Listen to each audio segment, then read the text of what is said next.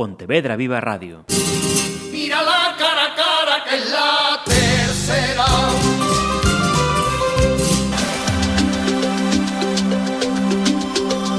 Amigos, ¿cómo están? Bienvenidos. Estamos en el cara a cara. La conversación, la confesión, usted sabe.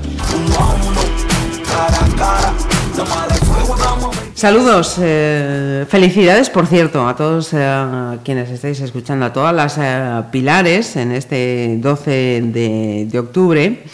Eh, felicidades también a, a todos los españoles, hay que decirlo en este, en este momento en que vivimos. Felicidades a todos los españoles. Estamos en el Día de la Hispanidad y, como no, felicidades también al cuerpo de la Guardia Civil. Así que para este cara a cara hemos invitado a que esté con nosotros eh, la persona que en este momento está eh, al mando de la comandancia de, de Pontevedra. Él es el teniente coronel Manuel Tauceda. Bienvenido. Muchas gracias. muchas gracias. Manuel, acércate un poquitito Sí, más sí. El, el micrófono. Perfecto. Eh, estamos hablando con un pontevedrés.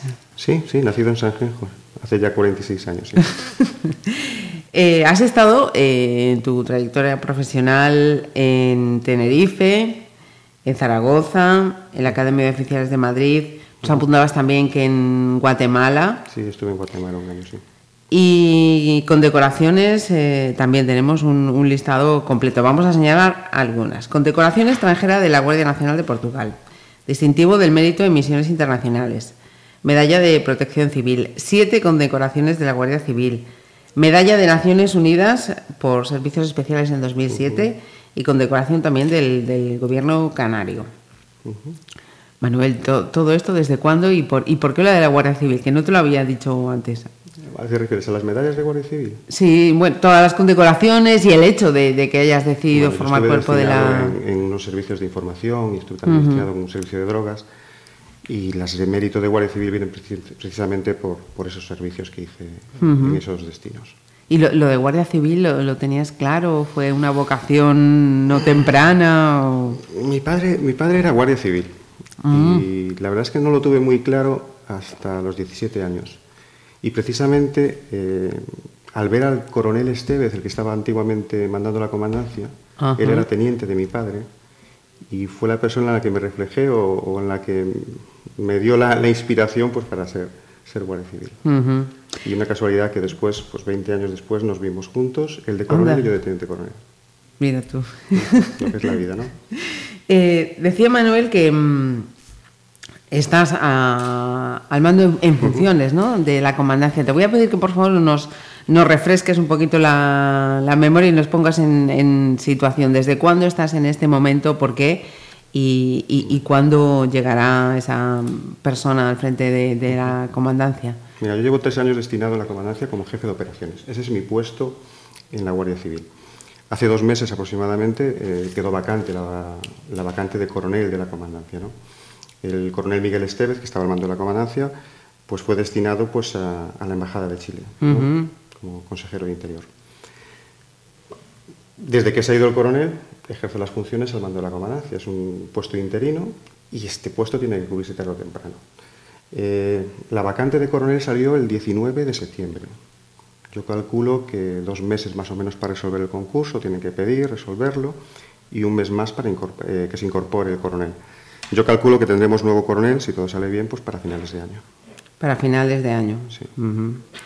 Con lo cual no sabemos, claro, todavía quién, quién puede ser, lógicamente. ¿Qué pasa? Yo creo que casi podría saber, porque para cubrir las vacantes eh, tienen que ser informadas por el general de la zona. Ajá. Y yo creo que ya estamos en un periodo en que ya tendrían que bajar los peticionarios para que por parte del general lo, lo informara. Lo que pasa es que no he preguntado, te digo sinceramente. Eh, Manuel puede estar ahí. No, no, no, no, no, porque yo no puedo no acceder a un puesto que es de coronel. Ah, ujú. El día de mañana, cuando ascienda. Esto pues- se llama una pregunta por desconocimiento y se nota, ¿no?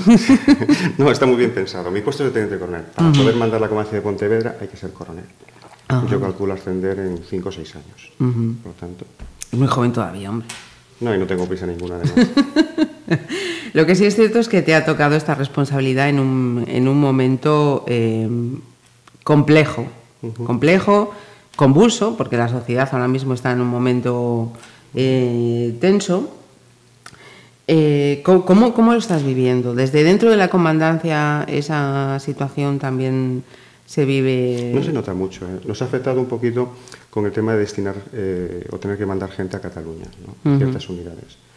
Por lo demás no nos ha, no nos ha afectado mucho. Ujú.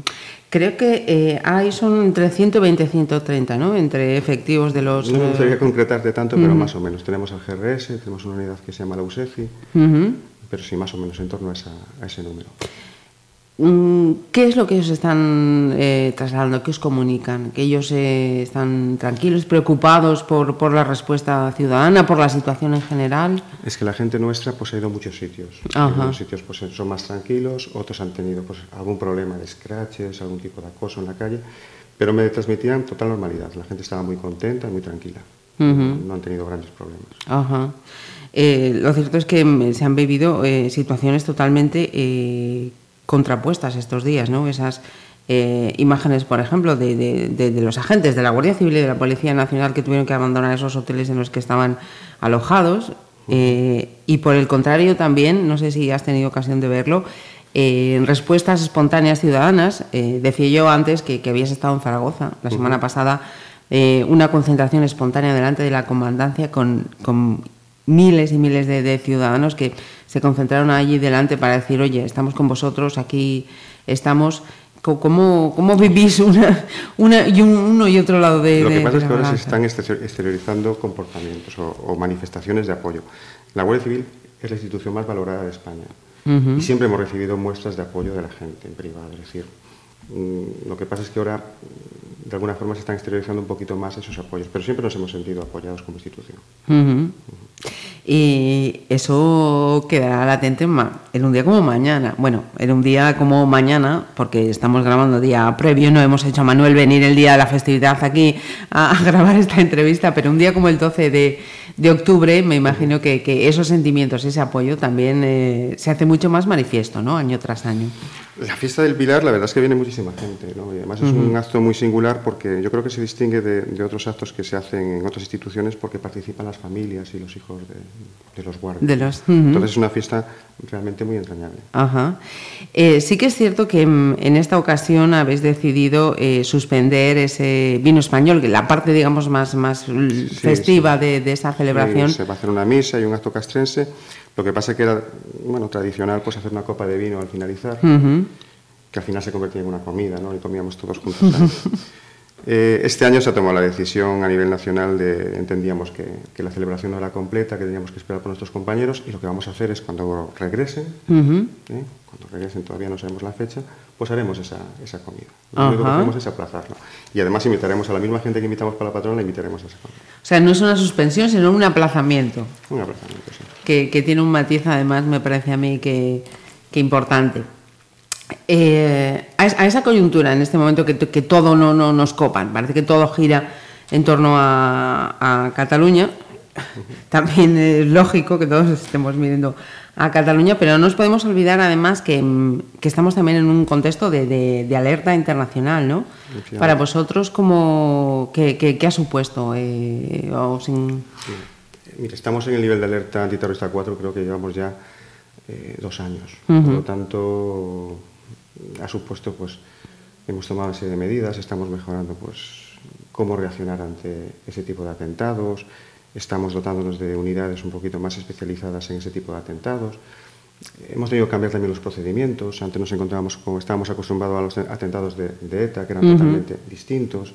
Estos atentados, pues eh, los objetivos que buscan están totalmente indefinidos, les vale cualquier tipo de objetivo. Eh, además, eh, es un terrorismo que lo que intenta buscar es el mayor número de víctimas, por lo tanto, los procedimientos de actuación de las unidades especiales han tenido que cambiar. Hemos potenciado la investigación con las unidades de información para evitar precisamente que se, que se cometan ese tipo de delitos. Hemos hecho muchas cosas, pero llevamos dos años ya haciendo. Sí, con ello. Sí. Ujú. Eh, hablamos, si te parece, Manuel, del, del día a día de, de la comandancia de, de Pontevedra. Eh, si te pregunto por un balance en el último año, ¿no? de 12 de octubre a, a- a 12 de octubre, eh, ¿cómo, ha sido este, este último año? ¿Ha sido un año de especial eh, actividad, más intenso, un año mm, dentro de la normalidad? Yo lo diría dentro de la normalidad, tirando a bueno. Eh, en la comarca de Tenerife, uy, digo Tenerife, perdón, estoy acostumbrado a Tenerife, de, de Pontevedra, de Pontevedra eh, en los últimos cinco años hemos bajado la delincuencia mes a mes. Es decir, si hace mm, cinco años, pues más o menos se cometían unas 15.000 infracciones al año en, en Pontevedra, ahora estamos en torno a las 13.000. Y Ajá. hemos ido bajando mes a mes. Y después los índices de esclarecimiento que tenemos en la comandancia, que estamos casi en torno a un 50% de infracciones esclarecidas, es de los más altos de España. Entonces estamos realmente muy bien. Ujú. Mm, ¿Por qué estas cosas no, no trascienden tanto? Como mm, a efectos prácticos eh, vemos, porque esto es, es importante, ¿no? Porque las estadísticas muchas veces son muy aburridas y no, y no vale la... No, las tratamos en las juntas de seguridad muchas veces. Lo que pasa es que también la seguridad, las, las cifras estadísticas son muy frías. Y muchas veces Cierto. lo que queda es la, la percepción de, eh, subjetiva de, de seguridad. ¿no? Pasa un hecho muy grave, como pasó, por ejemplo, las niñas que murieron en Moraña, ¿no? a sus padres, y genera una alarma tremenda. ¿no? A lo mejor hay un robo con violencia mm, que llama mucho la atención y entonces genera una sensación de inseguridad. Sin embargo, si le dices a la gente que unos datos muy fríos, realmente a lo mejor no, no les llega tanto. La normalidad no llama la atención tanto, ¿no? Como la excepcionalidad. No, y muchas veces perdemos el concepto de, de seguridad y nos olvidamos un poquito dónde estamos, ¿no? Habría que, Ujú. que viajar un poquito más y ver Ajá. lo, lo que hay fuera para darnos cuenta realmente de lo que tenemos aquí en Galicia. Pues, con esa experiencia que a ti te da haber estado fuera, efectivamente podemos decir que los ciudadanos pontevedreses vivimos en un entorno muy tranquilo. Bueno, yo te puedo garantizar que si lo, si lo comparamos con Guatemala, inf- infinitamente tranquilo, infinitamente tranquilo. Mira, eh, mirando a unidades a- de, la, de la Guardia Civil este año en, en tema de incendios, sí que ha sido, entre comillas, más tranquilo, ¿no? Aunque tenemos este veroño todavía que, que mantiene incendios, pues eh, mira, a, a día de, de hoy 11 había varios eh, activos. in- infinitamente más, más tranquilo. El año pasado íbamos bien el verano, al final se complicó la, la situación con los incendios que hubo en la zona del sur, ¿no? en Arbo, en Crecente. Este año la verdad es que hemos tenido muy poquitos incendios. El año pasado acabamos creo que con 5.000 hectáreas quemadas y este año estamos en torno a las 600, es decir, muy poquito. muy poquito. Espero que no se complique la situación con, con este clima. Que, que llueva ya, ¿no? Que llegue la, la lluvia. Bueno, que espere que pase la patrona y... Es cierto, sí, y eso está asegurado.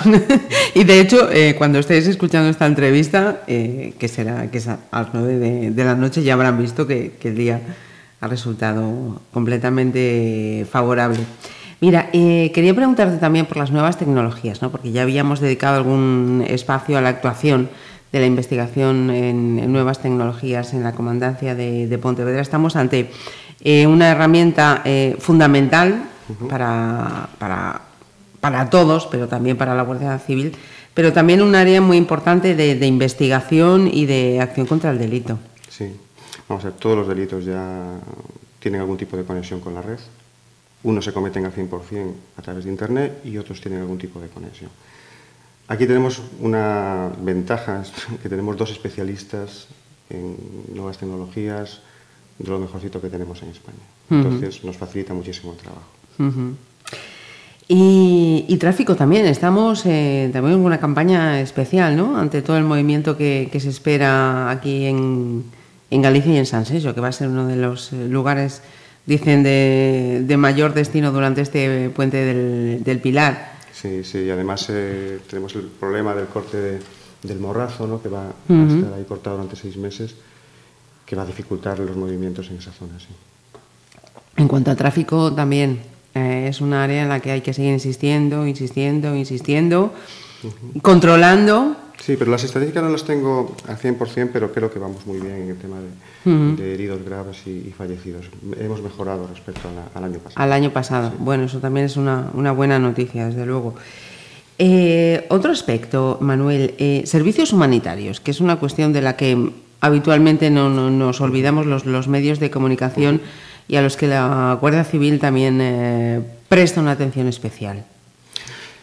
Hombre, hacemos miles de servicios humanitarios en la comarca de, Ponte- de- de Pontevedra. Lo que pasa es que no le damos la difusión a los medios ni, y muchas veces no le damos mucha importancia.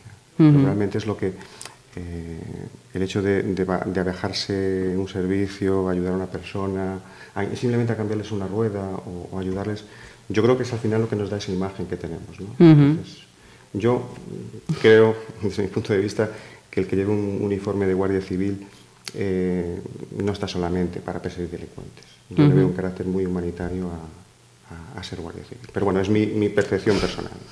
Espero convencer a los guardias cuando vienen a la comandancia de que tienen que también actuar así.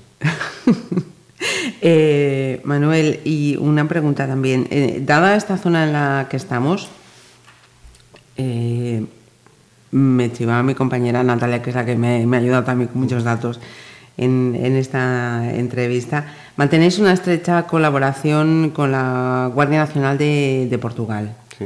Eh, ¿En qué consiste esa, esa, colaboración?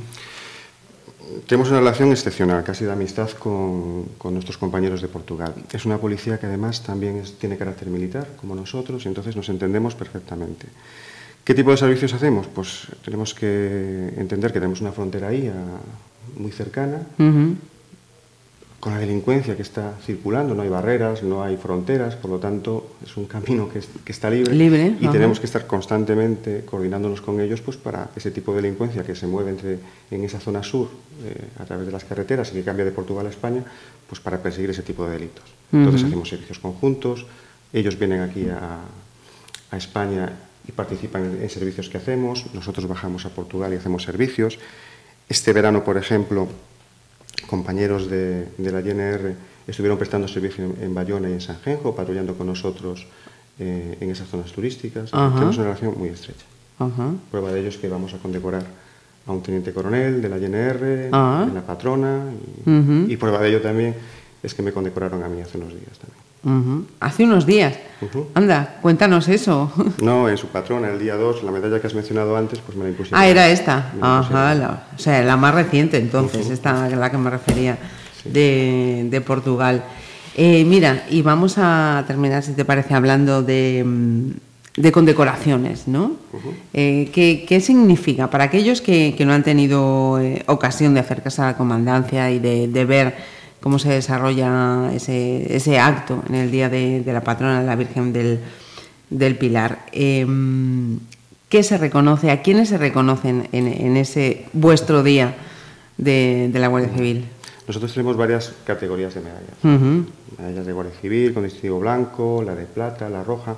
Por ejemplo, eh, las medallas blancas, eh, bueno, generalmente la gente que condecoramos eh, representan los valores que, que tenemos en la Guardia Civil, ¿no? de sacrificio, dedicación al servicio, buen comportamiento, conductas honorables.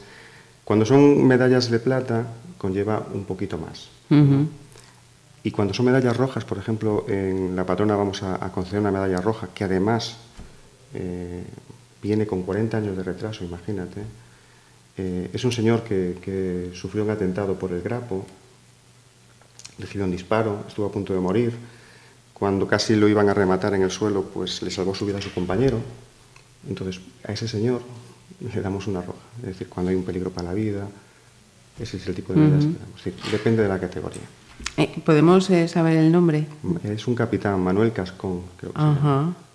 Sí. Caramba. Y es una medalla además que tiene efectos económicos, es una medalla que es pensionada. Uh -huh. Y bueno, el hecho de que demos 40, eh, 40, años tarde, la verdad es que es para pedirle un poquito de disculpas. ¿no? Uh -huh. Pero como digo, el Día de la Patrona pues nunca es tarde para enmendar un error y, y reconocer pues, pues, hechos heroicos como el de este señor. Ajá. Eh, eh, ¿Sabes, eh, espero no meterte en un brete, cuántas son las condecoraciones que, que se entregan en esta ocasión? Uy, pues mira, se entrega una roja, dos de plata, creo que cinco al mérito militar y en torno a unas 40 de Guardia Civil. Ajá. Más o menos, ¿eh? Sí, sí. No, no, no, por eso te decía, no quiero meterte en el brete, pero ya veo que... Pero las tenemos totalmente, ¿tienes? sabemos quién, va, quién, las va a recibir con sus nombres y todo, pero, pero lo, lleva, lo, lleva, lo llevan uh -huh. otros. Uh -huh. Pues, eh, Manuel, que sea una festividad con toda la normalidad que se merece. Uh -huh. Y muchísimas gracias, muchísimas gracias por acompañarnos y haber compartido este tiempo aquí con nosotros. Gracias a vosotros por invitarme y, y cuando me queráis tener aquí me lo decís que vengo encantado. Muchas gracias.